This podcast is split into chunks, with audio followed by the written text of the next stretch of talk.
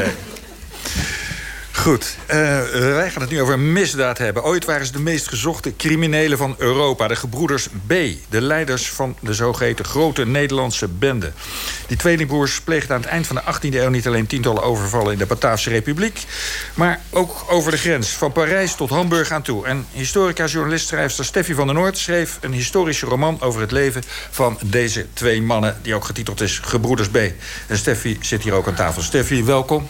Dankjewel. Uh, ja, je bent je een beetje aan het specialiseren hè, in uh, historische misdaad. Ja, uh, ja, misdaad loont. Vrouwelijke, ook in, vrouwelijke bijlmoordenaars en dat soort dingen. Ja. De vrouw met de bijl, ja, dat ja. Is, klopt. Dat hakt er ook in. Ja. nou, ja, ja, ja. Um, de Gebroeders B, het verschijnt deze week. Sorry, ga, ga, Ik heb hier eigenlijk alleen nog maar het omslag. Dus, uh, maar het komt van de week uit. Ja, je houdt het even naar het publiek, de omslag. Uh, die titel, lang over na moeten denken? nee, want ehm, kijk, nu hè, zijn we gewend om criminelen... bij het initiaal van een achternaam te noemen. Maar het was in die tijd nog niet zo. Hè. Die gebroeders B, die gebroeders Bosbeek... die werden natuurlijk met naam en toenaam genoemd in die tijd. Maar je moet je voorstellen, ik heb dit boek gebaseerd op meer dan een meter archiefmateriaal... waar ik doorheen ben ja, gescrolld. en um, het is toch een roman geworden. En daardoor heb ik, ja, daarom heb ik eigenlijk de gebroeders B genoemd. Ze hadden sowieso heel veel namen. Bosman, Bosbeek, Rosmalen. Ze hadden altijd wel een naam paraat. Ja, en ze waren dus wel degelijk, want dat heb je niet verzonnen, uh, in heel Europa actief. Ze waren behoorlijk actief. Ja, het was een een-eiige tweeling. Uh, ja, door de signalementsbeschrijvingen, hè, van in die tijd werden ze natuurlijk steeds continu gezocht. Uh, weten we ook hoe ze eruit zagen? Ik heb signalementsbeschrijvingen gevonden. Ja, geef Meerdere. Het, geef het signalement. signalement. Ehm, het waren vrij tengere broers.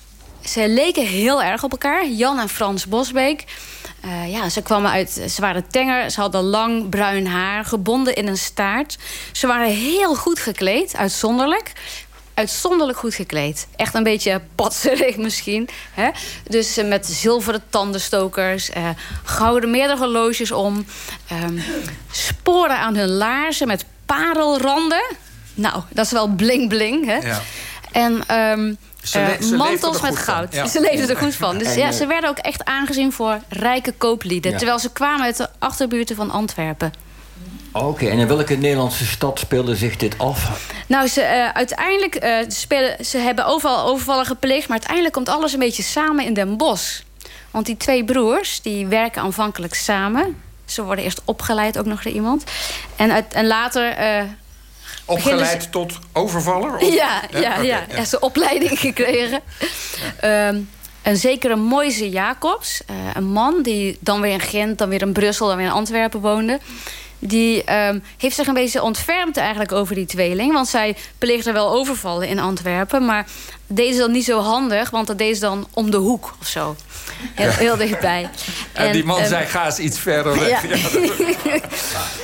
En um, ja, ze, ze moesten dat nog een beetje leren. En um, uh, die Moise Jacob die schijnt ook echt ooit de historische woorden te hebben gesproken. Hè. In die meta-archiefmateriaal heb ik heel veel historische woorden gevonden. Van, nou, ik wil jullie wel opleiden.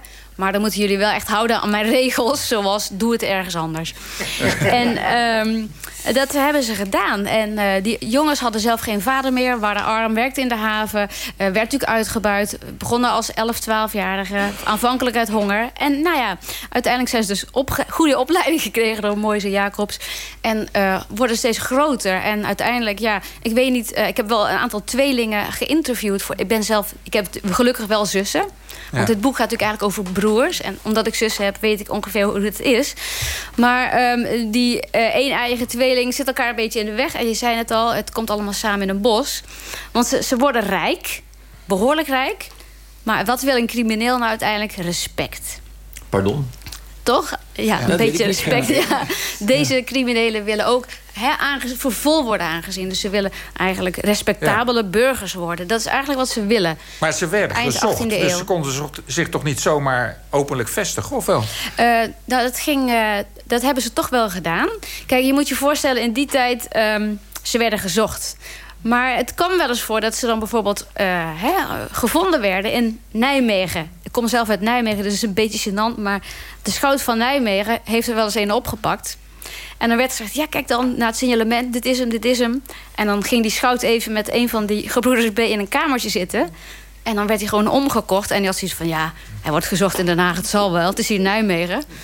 Dan moest je eigenlijk uitgeleverd worden aan Den Haag. Hè? Of, of ook wel eens vanuit Valkenburg, uitgeleverd aan Nijmegen. Maar dat waren hele grote afstanden. En het hadden zoiets van, nou, uh, misschien kunnen wij het onderling wel regelen. Totdat er op een gegeven moment echt een... Uh, totdat ze, nou, ze, ze, gaan elkaar op een gegeven moment uh, een beetje beconcurreren in de buurt van Den Bosch. Ja. Oké, okay, het worden twee bendes. Ja, het worden twee bendes. Ja. Ja, ja. Wat is hun meest succesvolle overval geweest? En wat, wat maakten ze buiten? Beschrijf eens wat. Nou, je moet je voorstellen, um, ja, een beetje uh, de plofkraak van toen ging met een boomstam. Dus uh, ze gingen op pad. Nou, ze hadden heel goed die les van Moïse Jacobs van niet in de buurt. Ze gingen naar echt afgelegen plekken. En die had je toen natuurlijk. En dan gingen ze met een, een boomstam gewoon de voordeur open rammen. En het, ja, dat was best een slimme truc. En uh, je moet je voorstellen dat ze het liefst dan uh, bankiers of uh, een veerman, ergens een beetje afgelegen, hè, of een rijke boerenhoeve gingen overvallen. En met zo'n boomstam. En, en dat, ja, het ging meestal wel goed. Dus ze konden eigenlijk tien jaar lang redelijk ongestoord hun gang gaan. En een beetje de kraak was op een gegeven moment in Eupen. Uh, in april 1798 toen uh, hebben ze zich verkleed als Franse soldaten. Dat stadje sidderde nog een beetje na bij de komst van de Fransen. En hadden zoiets van. Die kwamen echt. Dit is echt heel erg. Uh, beruchte overval geweest. Want ik ben in Eupen geweest. Ik ben een aantal van die plekken. Je plaatsen delict bezocht. Ja. ja. ja. En de mensen praten er nog steeds over? Echt waar. Ja, er waren nog mensen die het wisten. Echt waar? Ja, dus ik ben in... Je moet je voorstellen, Eupen was een klein open stadje zonder uh, poorten en uh, zonder muren. En uh, daar staat midden in dat stadje op een driehoekig marktplein... een fantastisch rijkogend pand van een bankier. En die, ja, die is dus beroofd destijds. En het is zo heftig aan toegegaan dat er nu nog mensen waren die dat wisten. Dat waren natuurlijk wel mensen die in geschiedenis waren geïnteresseerd. Maar um, ik heb dat pand ook bekeken. En dat was inderdaad een heel erg rijke bankier. En ook lakenkoopman enzovoort. Maar uh, wat hebben ze gedaan? Ze hebben zich verkleed als Franse soldaten. Dus ze hebben wat van die oude uniformen opgedist. En schietend in de lucht. En ik geloof zelfs de Marseillaise zingend. Dus ja, die mensen die, die hielden zich wel gedijst. Ja, ja, ze konden ook nog Frans, deze Ja, ja, want ja, ja, ze hadden dus... Ze hadden, je moet je voorstellen, ze waren gewoon met 10, 20, soms 30 man. En daaronder zaten ook vaak deserteurs, mensen die wel eens in het leger hadden gezeten. Dus die kenden die, die liederen en bepaalde strijdkreten. En ja, mensen zaten met angst en beven. Het zou je maar overkomen, hè? want het is natuurlijk heel interessant. Dat iemand in de boomstam jouw woning ja. Maar moet je horen, je schrijft niet alleen over die mannen... je schrijft ook over hun liefdes, hun Klopt. vrouwen. Klopt. Wat is nou zo mooi aan die meta-archiefsmateriaal? Een van de mooiste dingen die ik vond zijn liefdesbrieven. Swa vervalste liefdesbrieven. Dan wordt het pas echt interessant. En die Nou, heb ik gevonden. Hoezo? Ja, die zaten in het dossier. Dus eh, nou, het boek gaat over Jan en Frans en enkele van hun vrouwen. Want al die vrouwen, daar kon ik natuurlijk niet aan toekomen. Maar. Maar eh, een van die eh, vrouwen die, wordt eigenlijk daarin betrokken. En dat is een, een, een vrouw uit een bos. En zij komt eigenlijk uit een heel andere laag. Zij is een beetje een dame in de ogen van hè, die Ja. bendeleden. En ja, zij is uiteindelijk... eh, zij wordt uiteindelijk... Ja, ik kan niet alles gaan verklappen, maar Ja, zij het moet is Marianne uiteindelijk... Petter, toch? Marianne Petter, de dochter van de stadshorlogemaker. Ja. En het is heel, ja, dat vond ik wel heel erg interessant... dat zij eigenlijk in die, in die onderwereld eh, belandt. Zonder hoezo, te weten. Hoezo vervalste brieven dan? Want, Eh, vervalste wat moest, wat liefdesbrieven. moest er waarom vervalst worden? Ja, dan moet je eigenlijk het boek voorlezen. Nee, dit moet je even Maar- vertellen. Die A zegt. Het boek wordt trouwens volgende week zondag om drie uur gepresenteerd bij Dekker van de Vecht. Allemaal welkom. Ehm, waarom Marianne Petter? Ehm, Waarom vervalste zij die brieven? waarom vast ze?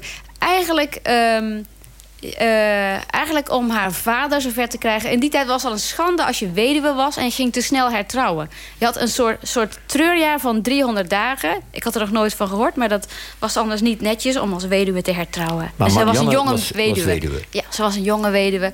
En eh, En ze vervalste brieven om te laten zien dat ze die, die jongens al langer kenden. Jij hebt het gelezen, denk ik al. ja. ja. Nou, de bedoeling is bij dit soort dingen dat jij het zegt. Ik help je een beetje. Dat, Ik wilde een beetje de spanning inhouden, maar eh, er staat natuurlijk nog veel meer spannends in het boek. Goed. Maar eh, vervalste liefdesbrieven, dat vond ik wel echt een bijzondere vondst. Want ik, ik heb me natuurlijk eerder verdiept hè, in, in misdaadzaken. En, en waarom? Omdat je eigenlijk mensen van vroeger te spreken krijgt. Of ja, te lezen krijgt. Mensen zijn verhoord, doodgewone mensen, slachtoffers, maar ook daders. En ik vind het dus heel erg leuk om de mensen Ja. die oprijzen uit die stukken ja, te Ja, leren kennen. Je hebt de criminelen van de afgelopen eeuwen, 16e, 17e. Ken ik wel. Helpt dat een beetje om de criminelen van nu te begrijpen? Ehm, ik, ik zie wel overeenkomsten, maar Eentje. eh, ik, ja, nou, ik denk dat het heel moeilijk is om te stoppen als je er eenmaal aan begint. En dat is lucratief. En eh, ja. Maar als je op een gegeven moment zo- genoeg hebt... dan stop je toch niet? Dat... nee, nee. Maar, maar zoals je erover praat, denk je... Maar dat je- is je de je- uitdaging, Je om te kunt het je stoppen. best een beetje voorstellen, kennelijk. Ehm, ik kan het me voorstellen. Ja, ik heb natuurlijk in mijn personages ingeleefd. Dus ik kan me eigenlijk alles voorstellen. Als romanschrijver. Goed.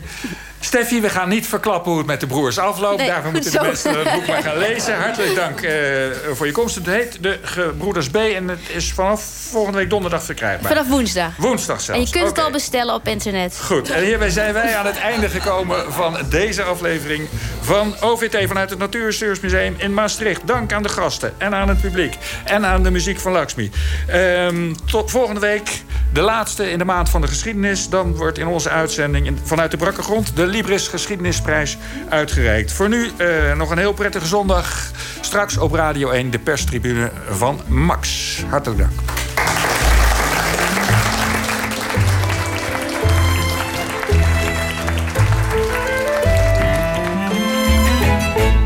En daarmee, geachte luisteraars, laat ik u over aan de verpozing die de radio u pleegt.